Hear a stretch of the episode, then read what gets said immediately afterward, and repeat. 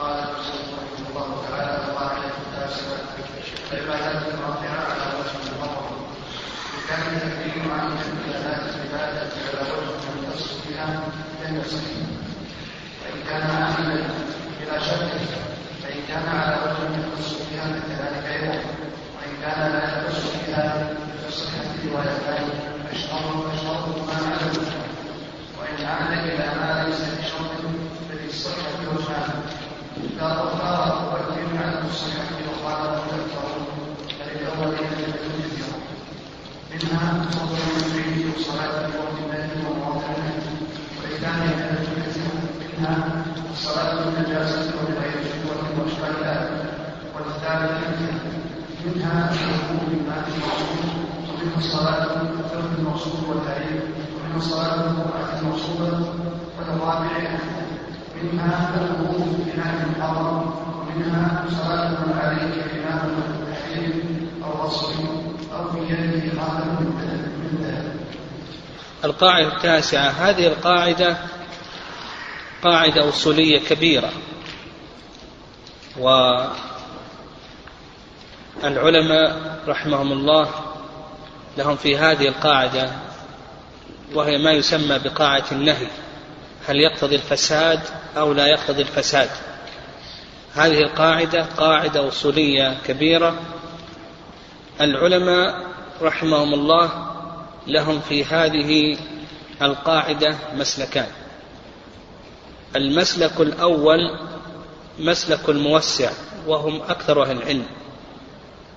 والمسلك الثاني مسلك المضيق وهم الظاهرية.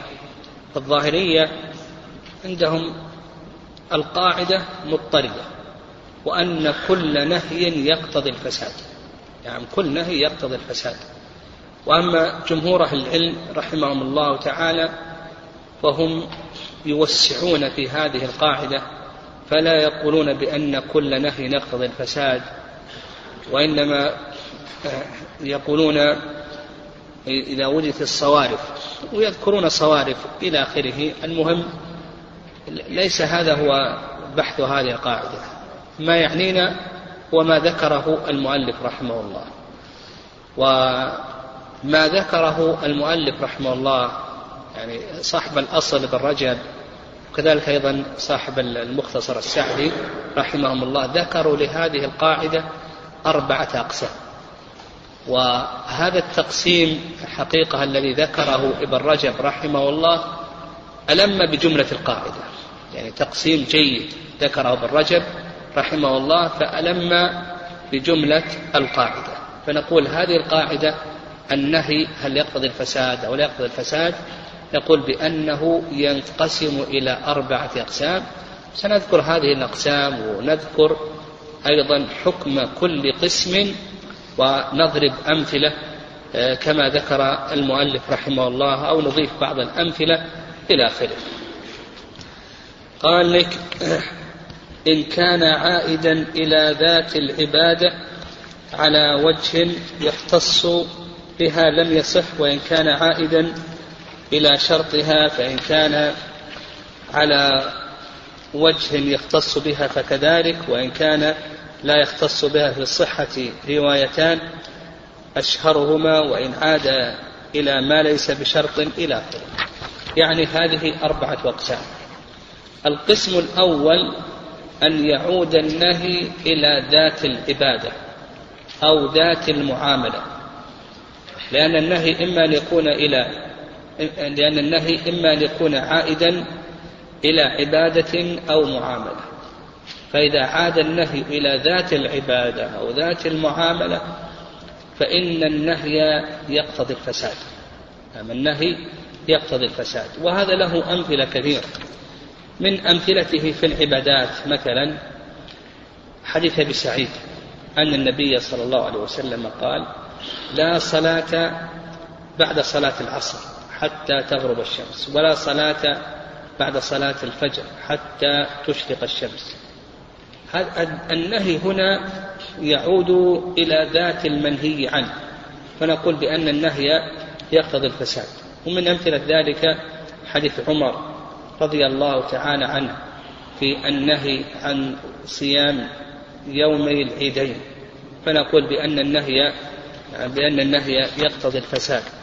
ومن الأمثلة التي ذكر أيضا آه، النهي عن صيام أيام التشريق حيث مبيشة الهذلي أيام التشريق أيام أكل وشرب وذكر لله عز وجل.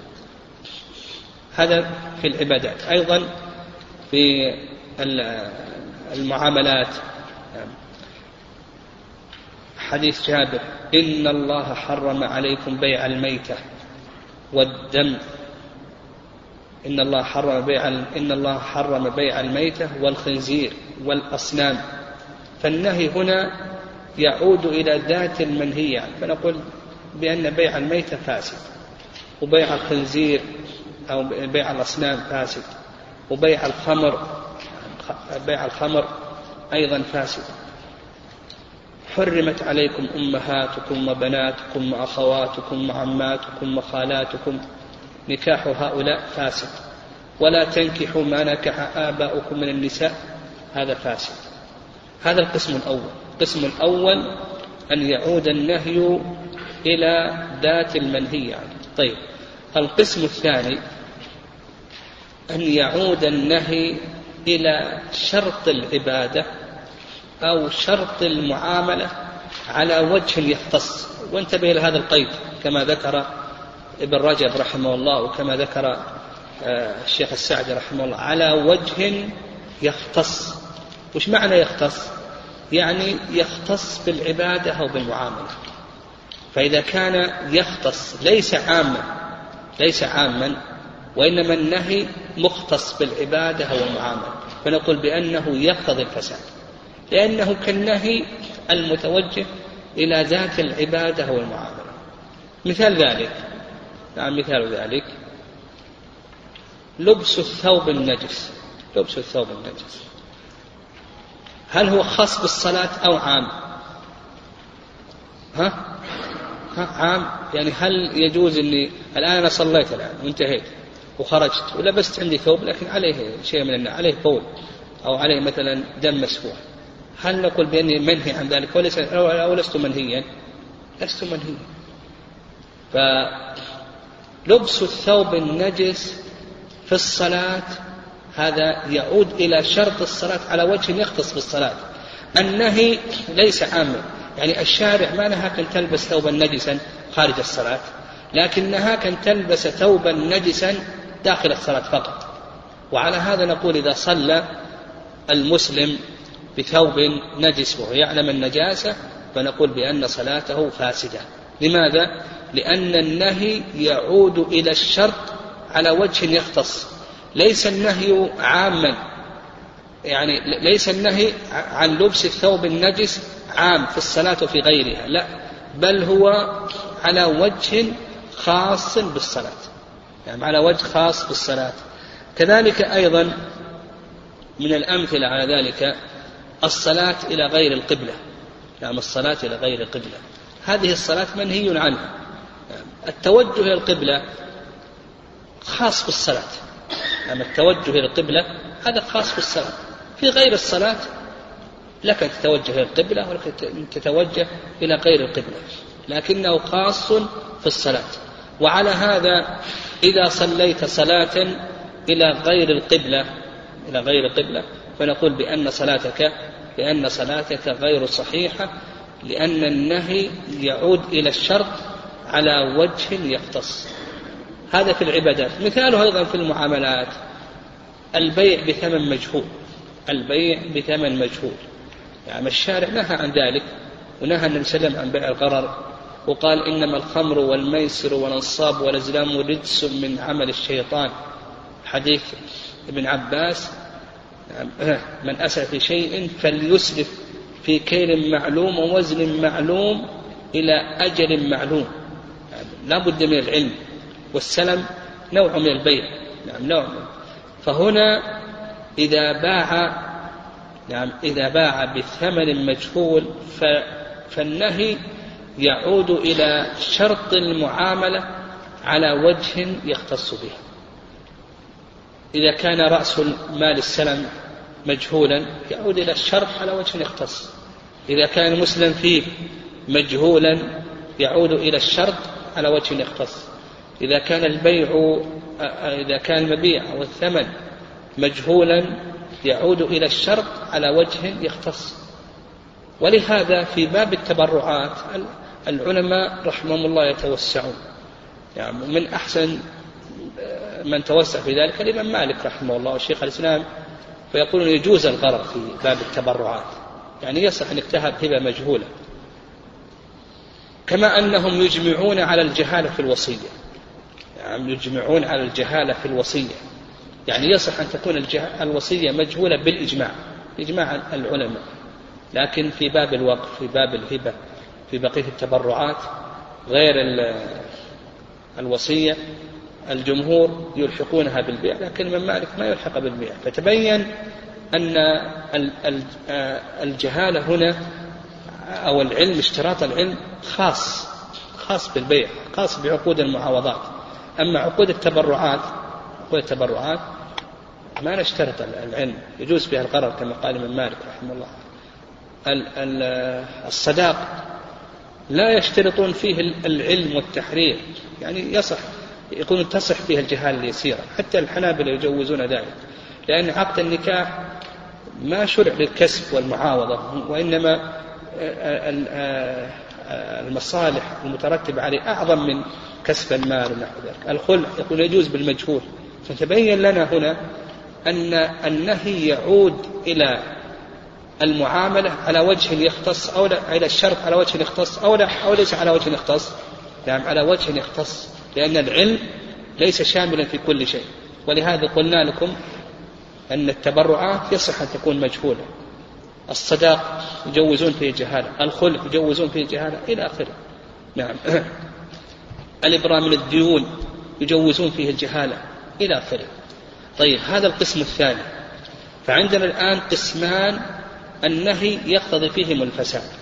القسم الأول أن يعود النهي إلى ذات المنهي عنه. القسم الثاني أن يعود إلى الشرط شرط العبادة أو شرط المعاملة على وجه يختص به. القسم الثالث يعني القسم الثالث أن يعود النهي إلى شرط العبادة أو شرط المعاملة على وجه لا يختص به. ومثل المؤلف رحمه الله قال والثالث أمثلة. الوضوء بالماء المغصوب النهي هنا يعود إلى الشرط. الطهارة رفع الحدث من شروط العبادة. لكن الغصب هل هو خاص بالصلاة ولا عام؟ ها؟ عام. أنت منهي عن الوضوء منهي أيضا عن أنك تغسل ثوبك ومنهي أيضا تشرب ومنهي أنك جميع أنواع الغصب ليس خاص بالوضوء. فهذا النهي يعود إلى شرط العبادة لكن ليس على وجه الاختص. فالشارع نهاك عن الغصب نهيا عاما. ليس خاصا في أي شيء. تقول ليس خاصا في العبادة. يعني ومثله أيضا الصلاة في الثوب المغصوب. يعني فرق بين الصلاة في الثوب النجس والصلاة في الثوب المغصوب. الثوب النجس خاص بالصلاة. يجوز لك تلبس الثوب النجس خارج الصلاة لكن الثوب المغصوب لا يجوز لك أن تلبسه في الصلاة وكذلك أيضا خارج كذلك أيضا خارج الصلاة. لا يجوز لك أن تلبسه. ثوب الحرير. نعم ثوب الحرير. النهي هنا يعود إلى شرط العبادة. على وجه لا يختص. يعني على وجه لا يختص. فالشارع نهاك عن لبس الحرير بالنسبة للذكر سواء كان داخل الصلاة أو كان خارج أو كان خارج الصلاة. فهذا القسم هذا فيه روايتان في المذهب والمذهب أن النهي يقضي الفساد. والحنابلة يعني في الدرجة الأولى بعد الظاهرية في التمسك بقاعة النهي يقضي الفساد. ولذلك عندك الآن ثلاث أقسام ثلاث أقسام من أقسام القاعدة يقولون بأن النهي يقتضي فيها نعم يقتضي فيها الفساد. نعم النهي فيها ومثاله في المعاملات مثل مثل التدليس النهي عن التدليس إلى آخره. هو راجع إلى الشرط لكنه ليس يختص. التدريس أنت منهي عن التدريس منهي عن التدريس في البيع منهي عن التدريس في النكاح منهي عن التدريس في في الهبة حتى في الهبة منهي عن التدريس إلى آخره. فالنهي عن التدريس يرجع إلى شرط المعاملة لكنه ليس على وجه يختص العيب ولذلك قلنا بأن النهي هنا لا يقضي الفساد النهي هنا لا يقضي الفساد والنبي صلى الله عليه وسلم في التدريس أثبت الخيار مما يدل على صحة ماذا؟ ها؟ كون أثبت الخيار يدل على صحة البيع لأن الخيار فرع عن البيع صح في المصرات أثبت النبي صلى الله عليه وسلم الخيار فمثاله في المعاملات مثل ماذا؟ ها؟ التدريس يعني في مثاله في المعاملات الذي يعود إلى شرط العبادة على وجه لا يختص مثل ماذا؟ ها؟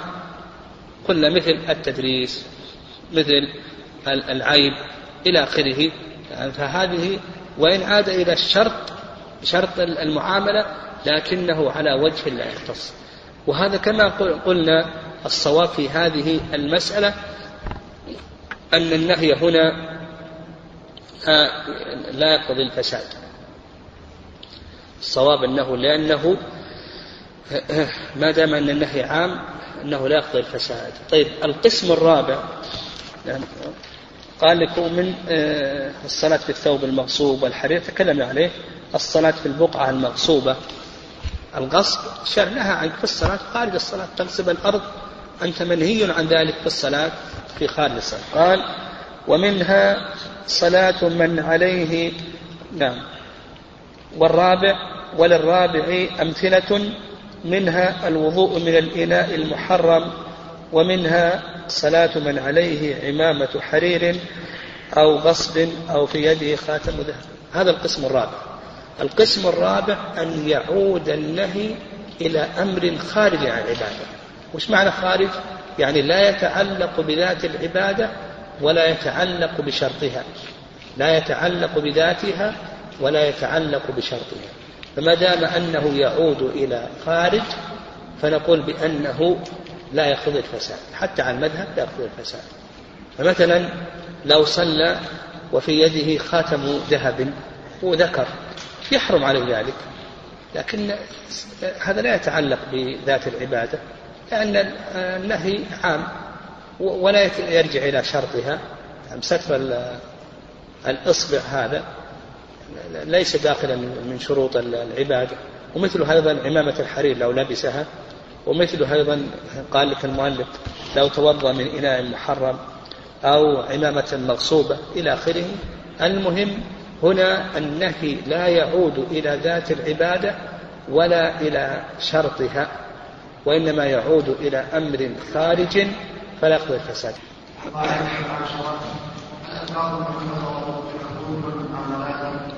سلام عليكم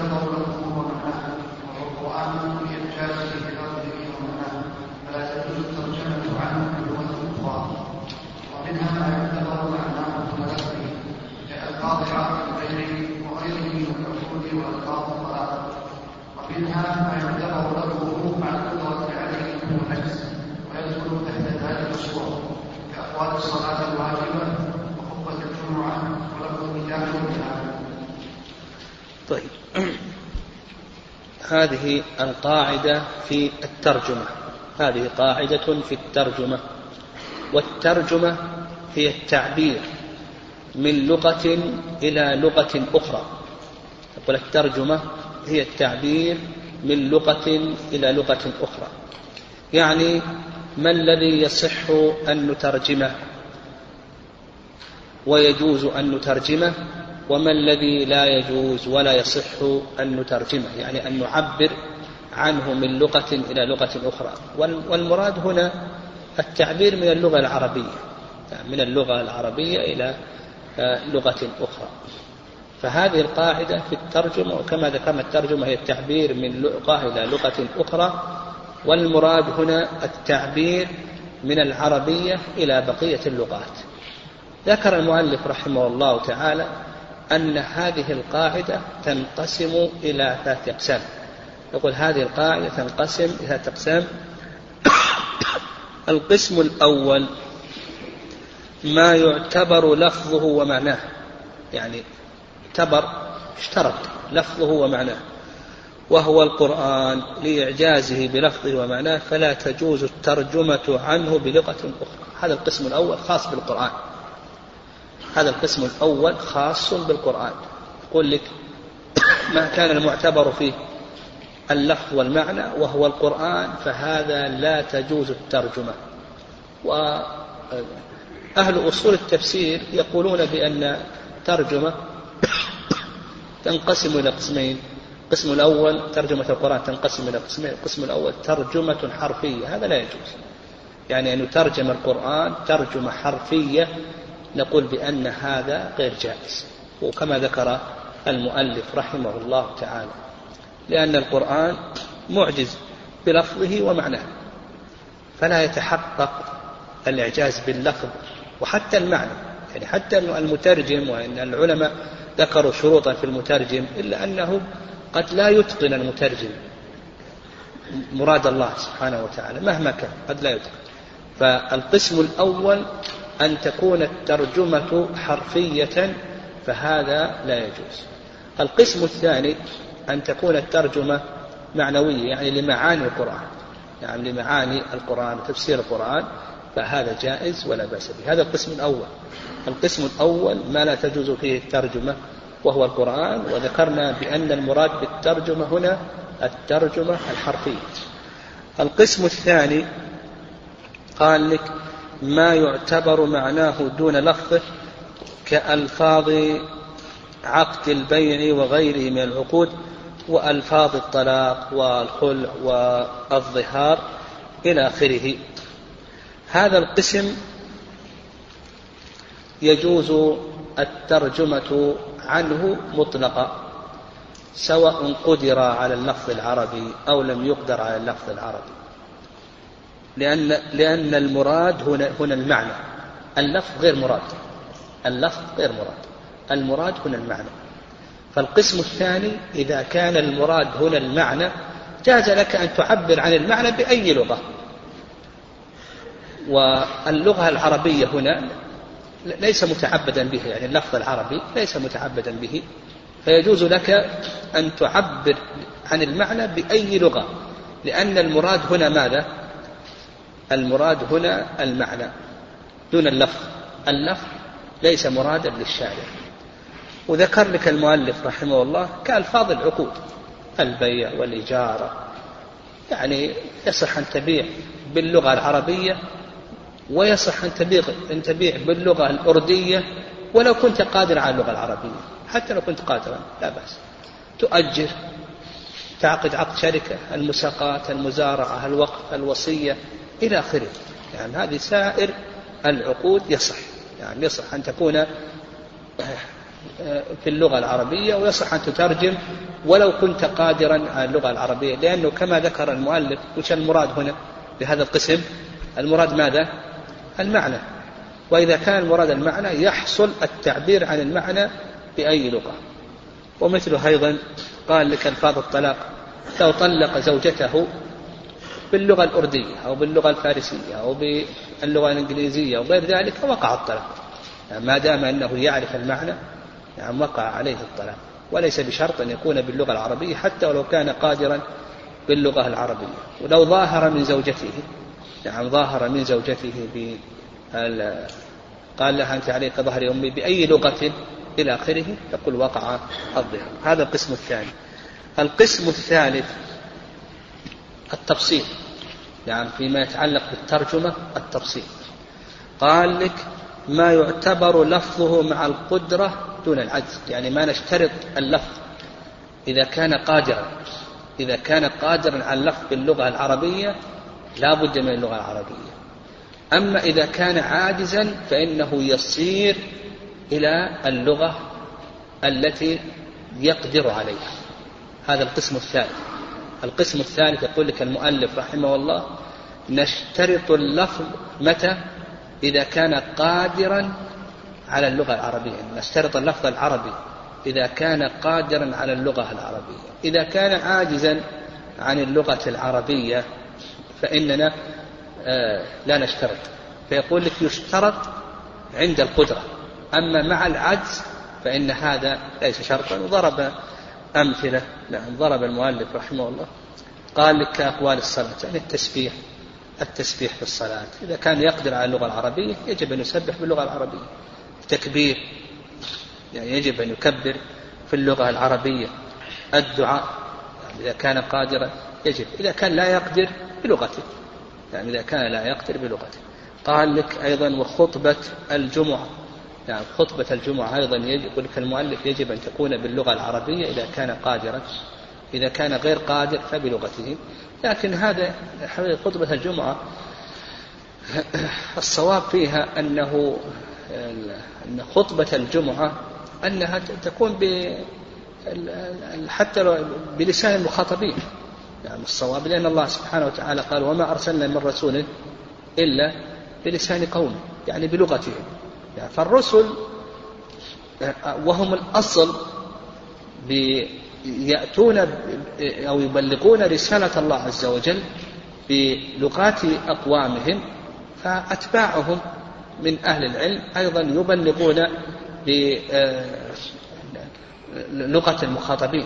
ولأنه لا يحصل البلاغ ولا تقوم الحجة إلا إذا كان بلغة المخاطبين. ولفظ النكاح واللعان أيضا. لفظ النكاح الحقيقة أما اللعان أما اللعان يقول لك ما, ما يصح إلا باللغة العربية لأن اللعان يتضمن ألفاظا جاءت في القرآن. اللعان يتضمن ألفاظا جاءت في القرآن. وإذا قال لك المؤلف لا بد أن يكون باللغة العربية ما دام أنه قادر عليها. لكن النكاح لأنهم يشددون في عقد النكاح. نعم العلماء رحمهم الله صيغة النكاح يعني الشافعية والحنابلة يشددون حتى الحنفية والمالكية لكنهم أوسع الحنفية والمالكية. يعني لماذا المؤلف رحمه الله جاب لك النكاح هنا؟ لأن النكاح يشددون فيه. فيقولون بأن عقد النكاح لا ينعقد إلا بلفظ الإنكاح أو التزويج فقط. لو قال ملكتك ابنتي ما ينعقد جوزتك ابنتي ما ينعقد. وهبتك ابنتي ما ينعقد. الشاف والشافعية أشد من الحنابلة. يعني أشد الناس في عقد النكاح هم الحنابلة والشافعية. ما ينعقد إلا بلفظ النكاح أو التزويج. وأضيق الناس في صيغ العقود هم الشافعية. الشافعية من أضعف الناس في صيغ العقود. والمالكية والشافعية الحنفية في عقد النكاح يوسعون بعض الأشياء يذكرون بعض الألفاظ لكنهم مع ذلك يضيقون يعني يجعلون المسألة معدودة وليست محدودة. أما شيخ الإسلام تيمية رحمه الله فإنه يجعل المسألة محدودة مضبوطة بضابط ومدل عليه العرف. قاعدة شيخ الإسلام حتى عقد النكاح يقول لك ينعقد بكل ما دل عليه العرف. يعني حتى ظاهر كلام شيخ الإسلام أنه ينعقد بالفعل يعني بالفعل دون اللفظ. فشيخ الإسلام يقول بأنه ينعقد بكل ما دل عليه العرف. المهم الشاهد من هذا أن المؤلف رحمه الله ذكر لفظ النكاح هنا لأنهم يشددون في لفظ النكاح. والصواب في هذه المسألة أن لفظ النكاح يصح حتى باللغة لأنه كما ذكر شيخ أنه كسائر العقود. كما أنك تقول لك يعني هم يقولون عقد البيع ينعقد بأي لغة ولو كان قادر على العربية أيضا عقد النكاح مثله. ما الفرق كلها عقود. شيخ الإسلام يطرد المسألة ويقول لك بأن العقود كلها حتى عقد النكاح ينعقد بما دل عليه وعلى هذا نقول نلحق عقد النكاح ببقية نعم ببقية العقود ولا يخرج عن بقية يعني عن بقية العقود. يعني يحترز فيه يعني مثلا العقود تنعقد بالمعاطاة لكن عقد النكاح لعظم خطره يعني نقول بأنه لا ينعقد إلا باللفظ إلى آخره. المهم لو ترجم عقد النكاح بأي لغة ولو مع القدرة على العربية نقول كسائر العقود التي قال فيها الحنابلة بأنها تنعقد بأي لغة ولو مع القدرة على العربية لأن المراد المعنى دون اللفظ.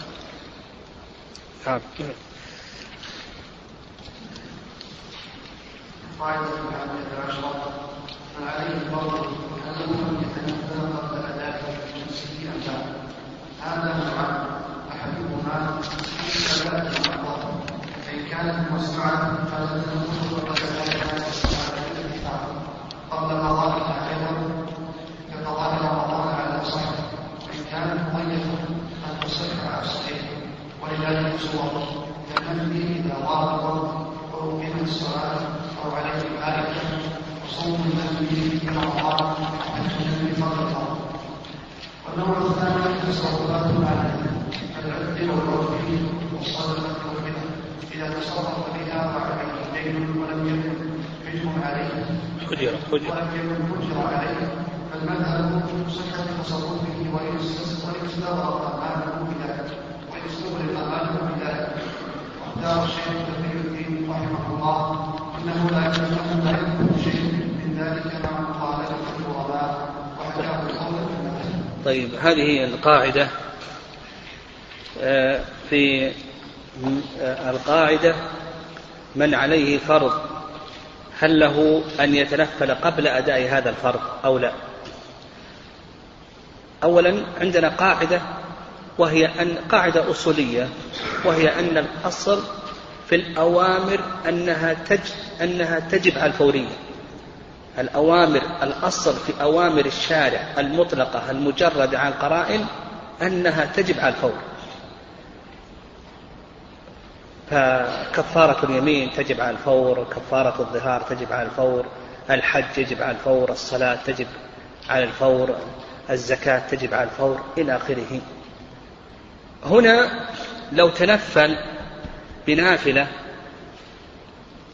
هل هذا يخل بالفورية أو لا؟ هذا لا أراد يبينها المؤلف رحمه الله. ويقول لك المؤلف عندنا قاعدة كبيرة وهي أن الأصل في الأوامر المطلقة المجردة عن القرائن تقتضي الفورية فهل إذا تنفل بنافلة قبل أن يؤدي هذا الفرض الذي عليه هل هذا أخل بالفورية فيأثم؟ أو نقول بأنه ما أقل بالفورية. هذه قاعدة.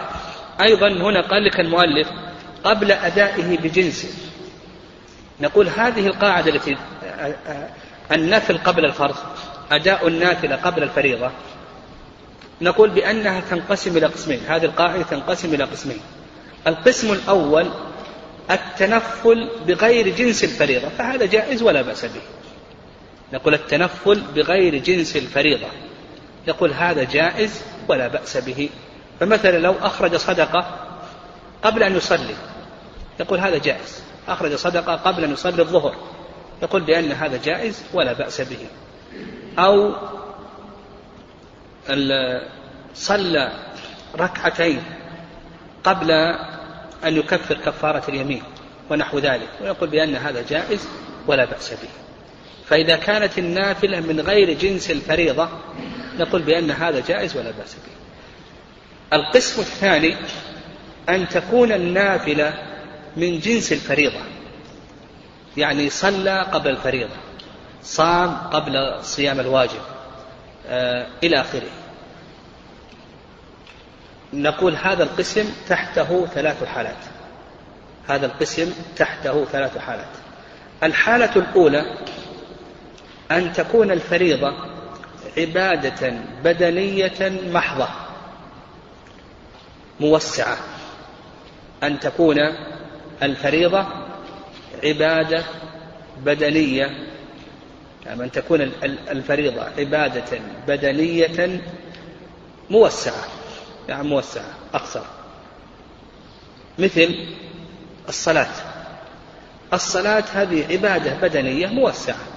إذا دخل الوقت إلى لك أن تصلي إلى خروج الوقت. يعني ما لم يترتب على ذلك ترك واجب كالجماعة.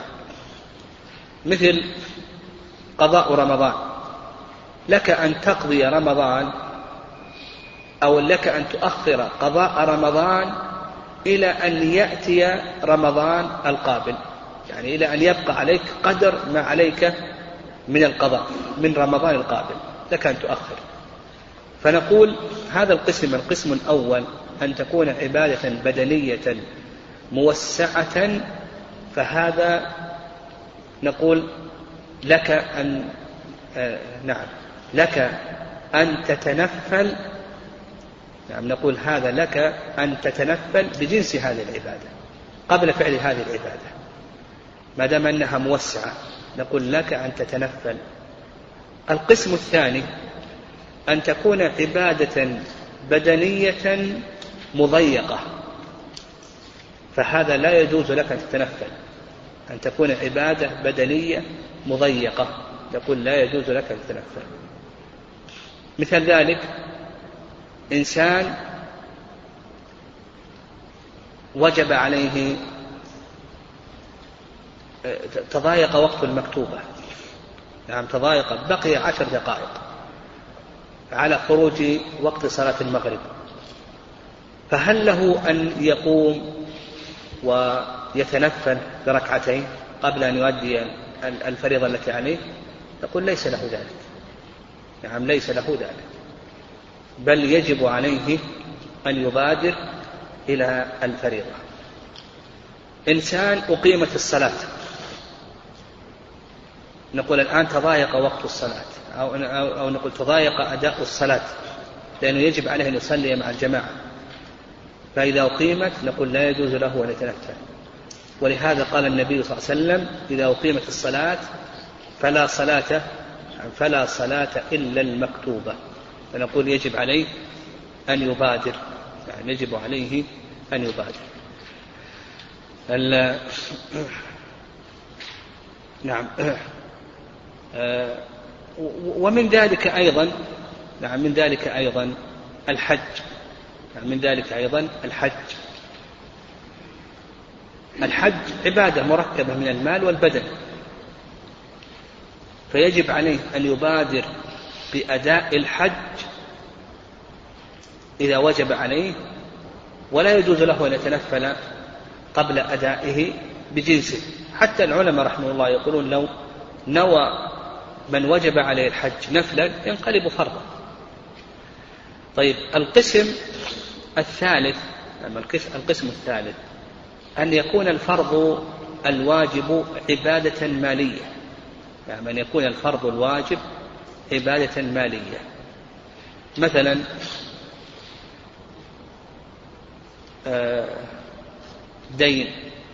هذا رجل عليه دين سواء كان لله أو كان للمخلوق. نعم عليه دين سواء كان لله أو للمخلوق. لله مثل النذر نذر أن يتصدق لله عز وجل مثل الزكاة إلى آخره. نذر آه، وجبت عليه الزكاة. للمخلوق عليه قرض عليه قيمة متلف عليه أرش جناية إلى آخره. الدين هو كل ما ثبت في الذمة. من قرض أو ثمن مبيع أو قيمة متلف أو أرش جناية. المهم عليه دين سواء كان لله عز وجل أو كان للمخلوق. سواء كان لله عز وجل أو كان للمخلوق. فهل له أن يتنفل قبل هذا الدين. يعني هل له أن يتنفل قبل هذا الدين؟ له هل له أن يتصدق؟ أن يوقف؟ أن يهب قبل قبل أداء هذا الدين؟ أو نقول ليس له ذلك؟ لأنه يجب عليه أن يبادر. يعني يجب عليه أن يبادر بإخراج حق الله عز وجل. نقول عندنا أولا إذا كان الدين للمخلوق. يعني إذا كان الدين للمخلوق.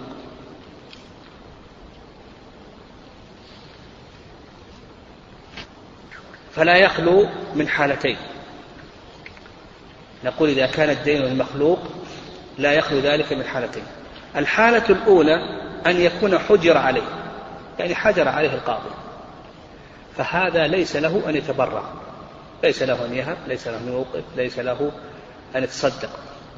يعني هذا إذا كان الدين المخلوق وحجر عليه القاضي بطلب الغرماء بعضهم أو كلهم. فنقول هنا ما دام أنه حجر عليه القاضي نقول لا يجوز له أن يتبرع بشيء.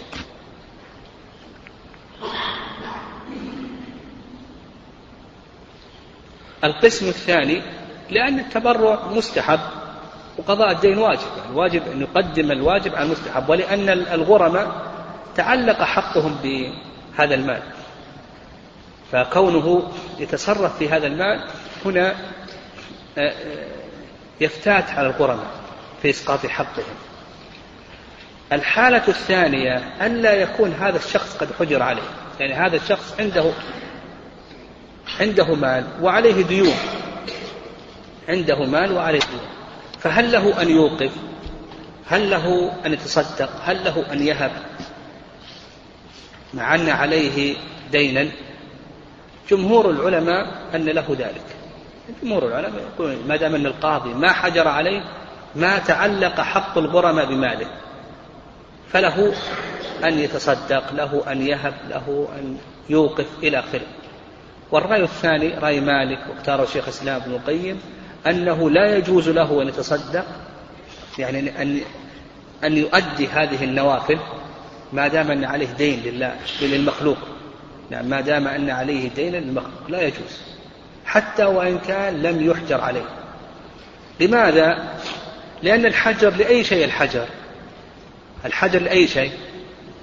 حفظا لحقوق الغرماء. وهذا فيه تضييع كون أنه يجوز له أن يتصدق أو يوقف. وهو عليه ديون هذا فيه تضييع لحقوق الغرماء. هذا فيه تضييع لحقوق الغرماء. وهذا هو الصواب. وعلى هذا نقول إذا كان الدين للآدمي فإنه لا يجوز له أن يتبرع بصدقة ولا هبة ولا وقف سواء حجر عليه أو لم يحجر عليه. سواء حجر عليه القاضي أو لم يحجر عليه القاضي. لماذا؟ لأن الدين الآدمي واجب والتبرع مستحب فيجب عليه أن يقدم الواجب قبل المستحب. يعني يجب عليه أن يقدم الواجب قبل المستحب. آه، القسم الثاني من أو الحالة أو النوع الثاني من الحالة الثالثة أن تكون الديون أن أن أن يتنفل ب نعم أن تكون العبادة مالية. يعني يتنفل بعبادة مالية.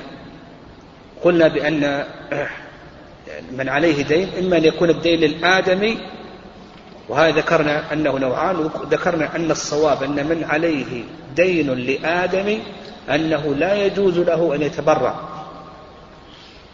بوقف ولا هبة ولا صدقة حتى يوفي الدين الذي عليه. وهذا كما قلنا على وجه العموم وهو قول مالك واختار شيخ الإسلام ابن القيم رحمهم الله. القسم الثاني أو النوع الثاني أن يكون الدين لمن؟ لله سبحانه وتعالى. أن يكون الدين لله سبحانه. كنذر إنسان نذر يتصدق. أو كفارة يمين. كفارة يمين. ومثله أيضا الزكاة. كان إنسان عليه زكاة.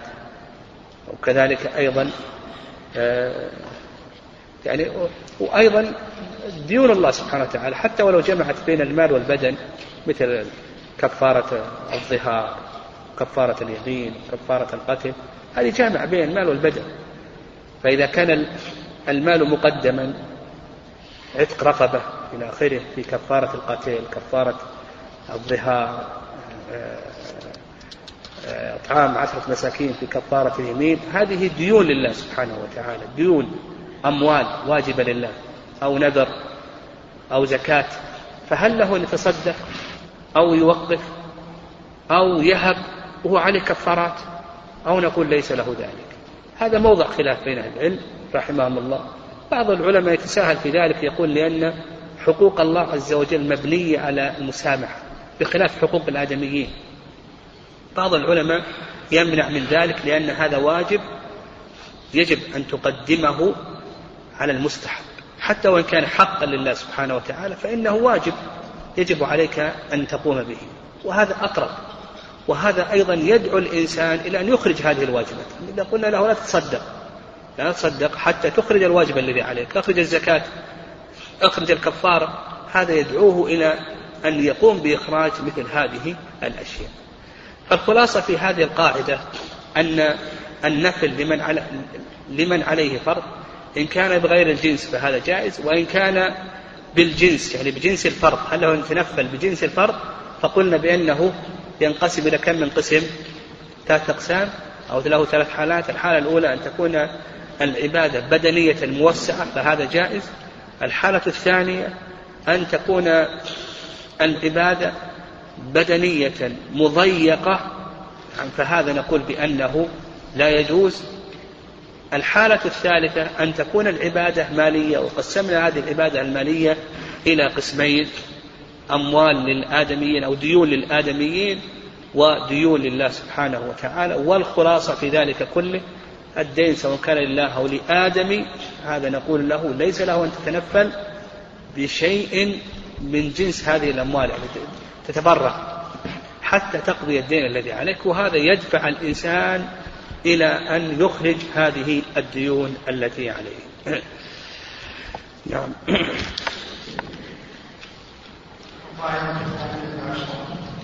المذهب أن العبادات الواردة على وجوه متنوعة يجوز فعلها على جميع الوجوه الواردة فيها غير كراهة بعضها وإن كان بعضها أقوى من بعض لكن هل الأفضل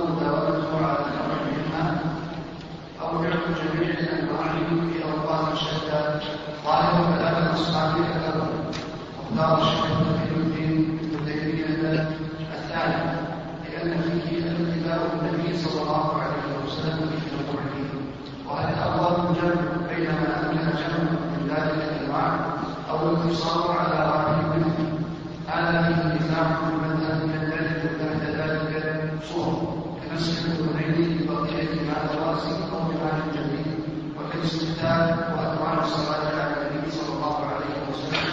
طيب. هذه القاعدة القاعدة الثانية عشرة تنقسم إلى قسمين. يعني هذه القاعدة القاعدة الثانية عشرة وهي في العبادات التي وردت على وجوه متنوعة. العبادات التي وردت على وجوه متنوعة آه، آه، يعني سواء كانت عبادات سواء كانت عبادات فعلية أو كانت عبادات قولية. وردت على وجوه متنوعة. من أمثلة ذلك الاستفتاحات. ورد استفتاح أبي سعيد سبحانك اللهم ربنا وبحمدك. ورد استفتاح أبي هريرة اللهم بعد بيني وبين خطاياي. ورد استفتاح ابن عباس آه، آه، اللهم لك الحمد أنت نور السماوات والأرض ما فيهن. ورد استفتاح عائشة استفتاح علي استفتاح أنواع الصلوات على النبي صلى الله عليه وسلم. أنواع الذكر التسبيح بعد في أدبار الصلوات ورد له أربعة أنواع. مثل الرفع رفع الأيدي ترفع قبل التكبير بعد التكبير مع التكبير وضع الأيدي. هناك عبادات وردت على أوجه متنوعة. يعني وردت على سواء كانت هذه العبادة القولية قولية أو فعلية. فعندنا هذه ال ال ال عندنا هذه القاعدة لها قسمان. القسم الأول القسم الأول فيما يتعلق ب نعم القسم الأول فيما يتعلق بالترجيح. والقسم الثاني فيما يتعلق في الجمع. قسمان القسم الأول في الترجيح والقسم الثاني في الجمع. يعني هل ترجح أحد هذه الأنواع على بقية الأنواع أو لا ترجح؟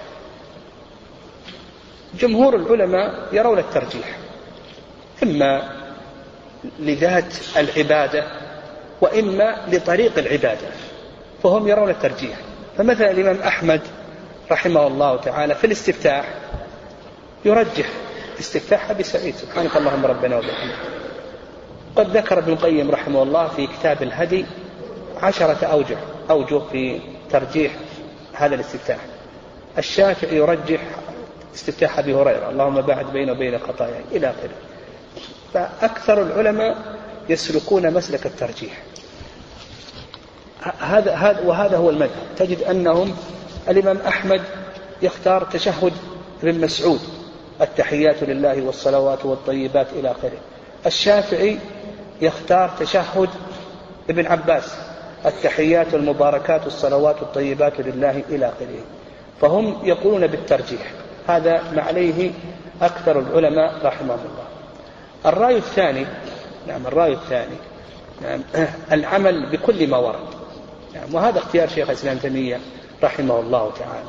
فتارة تستفتح باستفتاح أبي سعيد تارة تستفتح باستفتاح أبي هريرة تارة آه، إلى آخره. تارة تشهد ابن عباس تارة تشهد آه، تشهد ابن مسعود تشهد ابن عباس آه، تشهد عائشة تشهد ابن عمر عمر إلى آخره. تارة ترفع مع التكبير تارة بعد التكبير تارة قبل التكبير إلى آخره. وهذا القول هو الصواب. نعم المسلك الثاني مسلك العمل دون مسلك الترجيح هذا القول هو الصواب. لأنك إذا سلكت هذا المسلك تكون عملت بالسنة كلها يعني هذا فيه فوائد. مسلك العمل دون مسلك الترجيح هذا فيه فوائد. الفائدة الأولى أنك تكون عملت بالسنة كلها الفائدة الثانية حفظ العلم. تحفظ السنة. ما تنسى. الفائدة الثالثة أن هذا أخشع القلب. الفائدة الرابعة أن بعض الأنواع قد يكون أقصر من بعض. فأن تأتي به مثل التسبيح عشر التحميد عشر التكبير عشر قد يكون الإنسان مشغولا فيأتي بهذا يعني يأتي بهذا النوع. فعندنا في هذه الأنواع المتنوعة هل ترجح أو تعمل؟ هذا القسم الأول تبين لنا ما اختاره الشيخ الإسلام تيمية رحمه الله. قال واختار الشيخ تقي الدين ابن تيمية الثاني لأن فيه اقتداء بالنبي صلى الله عليه وسلم في تنوعه. طيب هذا القسم الأول من هذه القاعدة. القسم الثاني هل تجمع بين هذه الأنواع أو لا تجمع؟ القسم الأول هل ترجح أو لا ترجح؟ القسم الثاني هل يجوز لك أن تجمع؟ يعني مثلا الإنسان قال أنا في الصلاة سأقول سبحانك اللهم ربنا وبحمدك وأقول اللهم باعد بيني وبين خطاياي كما بعدت بين المشرق والمغرب وأقول وجهت وجهي الذي فطر السماوات أو نقول بأنه ليس لك ذلك. يعني هل لك أن تجمع أو ليس لك تجمع؟ أن تجمع. قال المؤلف رحمه الله وهل الأفضل الجمع بين ما أمكن جمعه من ذلك من من ذلك من ذلك الأنواع أو الاقتصار على واحد منها؟ هذا فيه نزاع في المذهب. ويندرج تحت ذلك صور كمسح الأذنين ببقية ماء بماء ببقية ماء الرأس أو بماء جديد. يعني تمسح أذنيك ببقية ماء الرأس أو بماء جديد. هم يقولون نوعان عبادته لكن الصحيح أنه ما ثبت إلا عبادة واحدة. لكن هذا على القول بالثبوت. وما ثبت إلا أن تمسح الأذنين بما فضل من ماء الرأس. أما بماء جديد هذا الحيث الوارد شاذ. لكن على الفرض على القول بأنه ثابت هل تجمع بينهم تمسح الأذنين بماء جديد وتمسح الأذنين بما فضل من ماء الرأس؟ هل تجمع بينهما؟ نعم. المذهب ما تجمع. الاستفتاح هل تجمع بين سبحانك اللهم ربنا وبحمدك اللهم بعد أو لا تجمع؟ المذهب أنك ما تجمع. أنواع الصلاة على النبي صلى الله عليه وسلم. يعني المذهب أنك تقول اللهم صل على محمد وعلى آل محمد كما صليت على آل إبراهيم.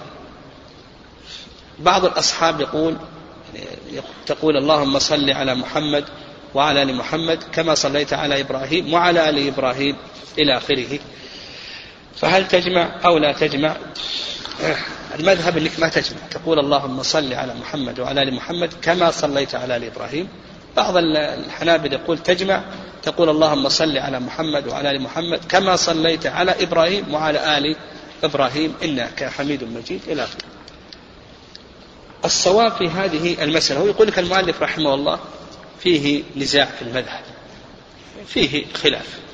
والصواب في هذه المسألة في مسألة الجمع أن الإنسان لا يجمع. يعني الصواب أن الإنسان لا يجمع ما دامت العبادة نوعا واحدا نقول لا يجمع. هذا الصواب. ويدل ذلك حيث أبي هريرة في الصحيحين. نعم يدل ذلك حديث أبي هريرة رضي الله تعالى عنه في الصحيحين. فإن أبا هريرة سأل النبي صلى الله عليه وسلم فقال يا رسول الله أرأيت سكوتك بين التكبير والقراءة؟ ما تقول فيه؟ فقال النبي صلى الله عليه وسلم أقول سبحان اللهم باعد بيني وبين خطاياك وبعدت بين المشرق والمغرب إلى آخره. ما ذكر النبي صلى الله عليه وسلم شيء آخر. فدل ذلك على أن الإنسان لا يجمع. فلا نقول اجمع الاستفتاحات اجمع التشهدات اجمع إلى آخره. ما دامت العبادة نوعا واحدا نقول السنة أنك ما تجمع. إذا كانت العبادة أنواع لا بأس أنك تجمع. مثلا في في الركوع وردت أذكار متنوعة. هنا تجمع في السجود وردت أذكار متنوعة نقول هنا تجمع. لكن ما دامت العبادة نوعا واحدا فنقول بأنك لا تجمع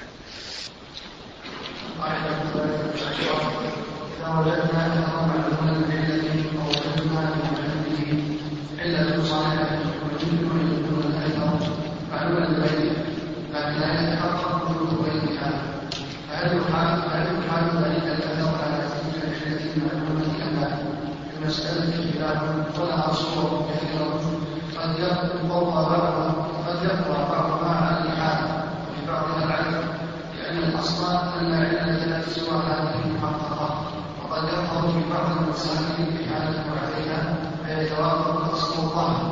وقد تظهر الحاله على غيرها القاعدة الثالثة عشرة.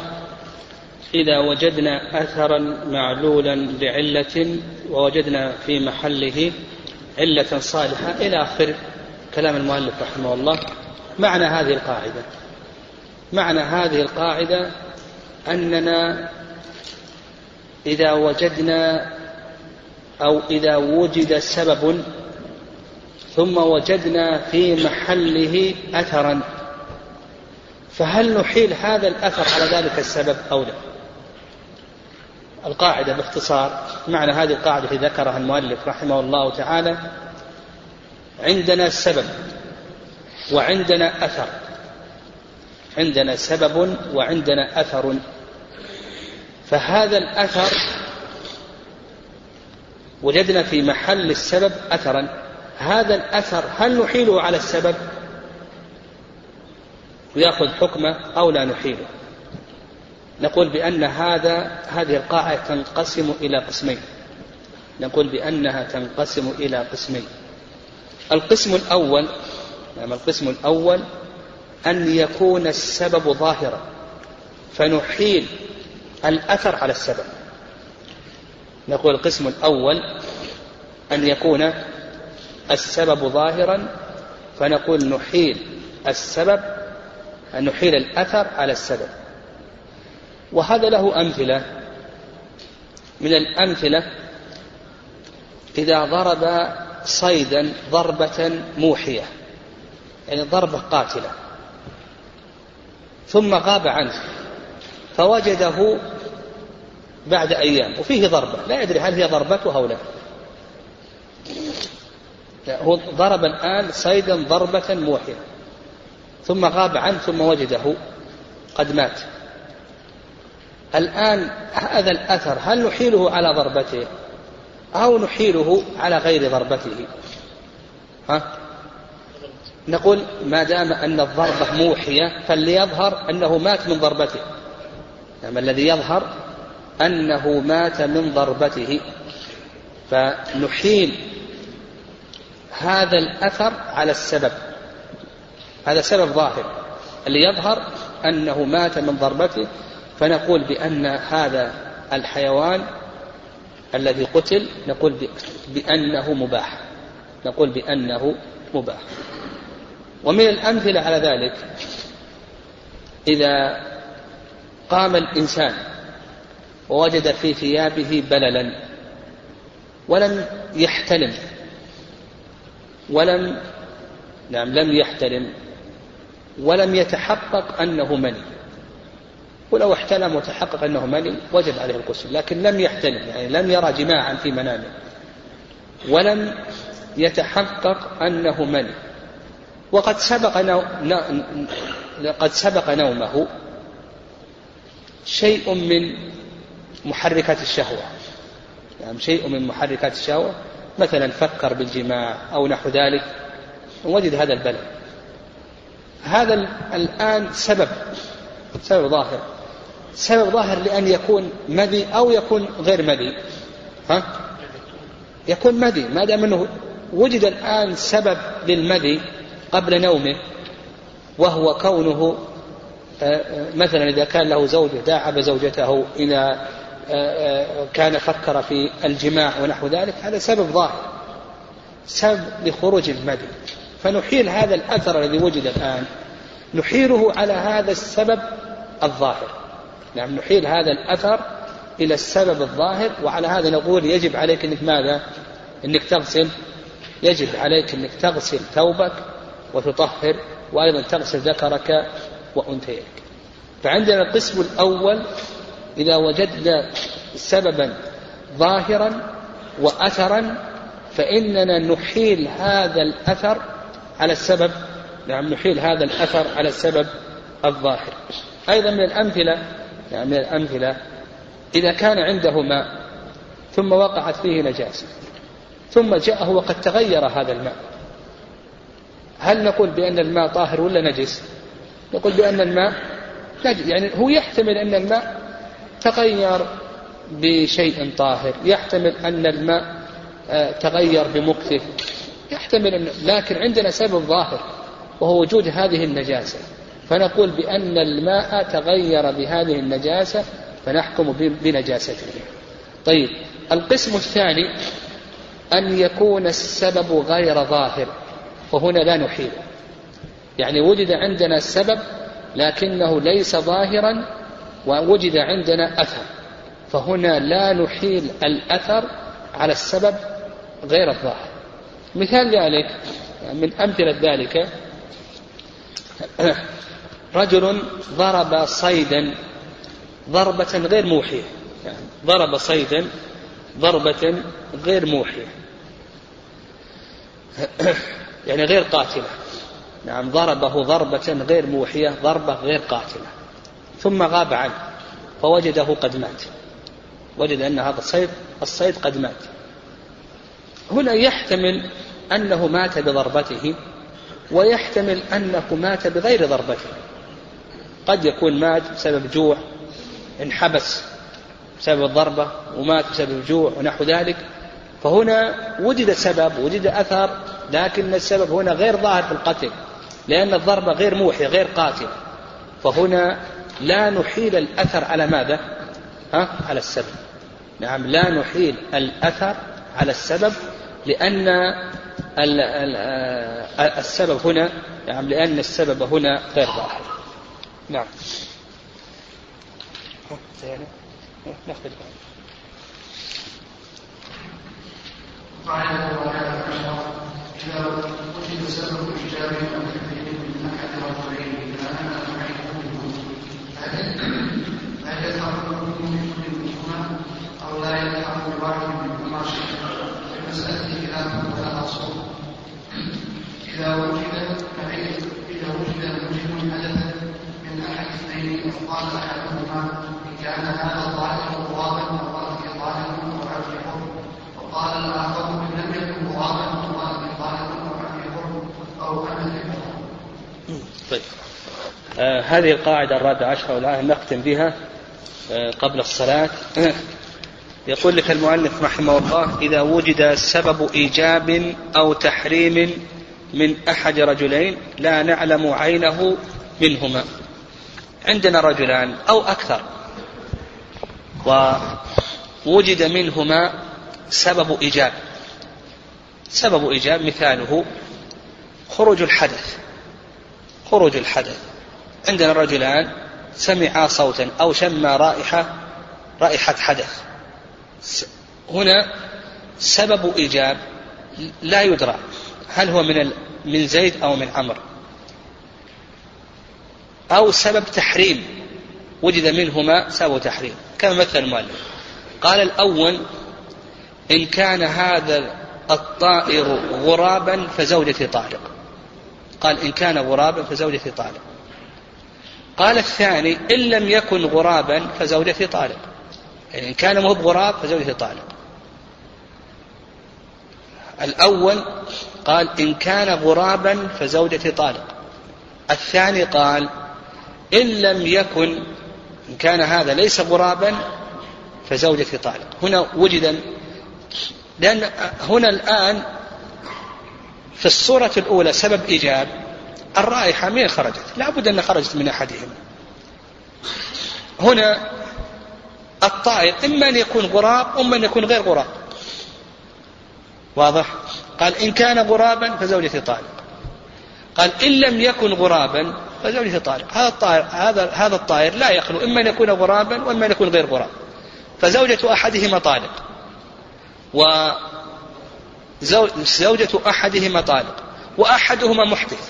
يعني في في سبب الإيجاب أحدهما محدث. في سبب التحريم زوجة أحدهما طالق. من من الذي نوقع عليه الطلاق؟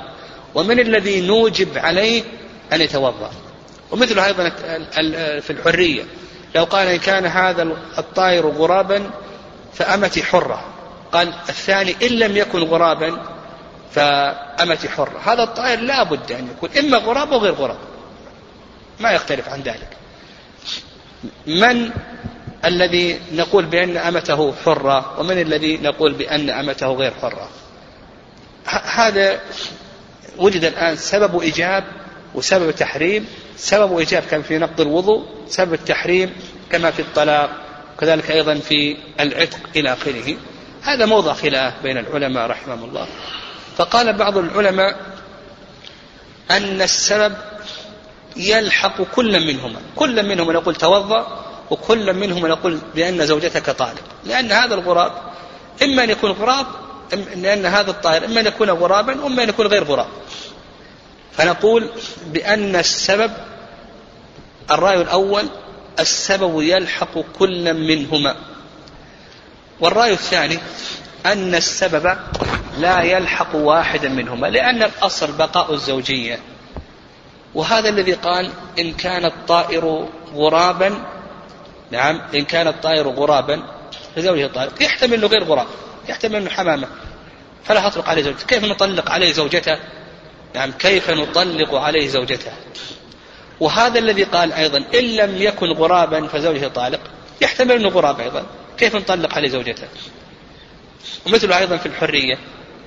فقال بعض العلماء الأصل الطهارة والأصل بقاء الزوجية فلا نحكم نعم لا نحكم ببطلان الطهارة وببطلان الزوجية لأن الأصل بقى ذلك.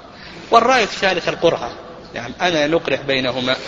يعني مسألة الحدث هذه أمر أخف الرأي الثالث أنها نق... أننا نصير إلى القرعة لأن هذا من باب تزاحم المبهمات وإذا تزاحمت المبهمات يصار إلى القرعة. يعني ويظهر والله أعلم أن مسألة الحدث هذه أمرها سهل. يعني الأصل بقاء الطهارة لكن مسألة الطلاق إلى آخره نقول نصير فيها إلى القرعة لأنه لا بد. يعني القرعة هي حكم الله عز وجل الشرعي الديني. وهي وإن لم توافق الحكم الكوني القدري إلا أنها حكم الله الشرعي الديني. نجري القرعة في الحرية وفي العتق ومن, ومن قرعت هي التي يقع عليها الطلاق. هذا الظاهر لأن باب تزاحم المبهمات وإذا تزاحمت المبهمات كما يأتينا إن شاء الله في قاعة القرعة نصير إليها. والله أعلم.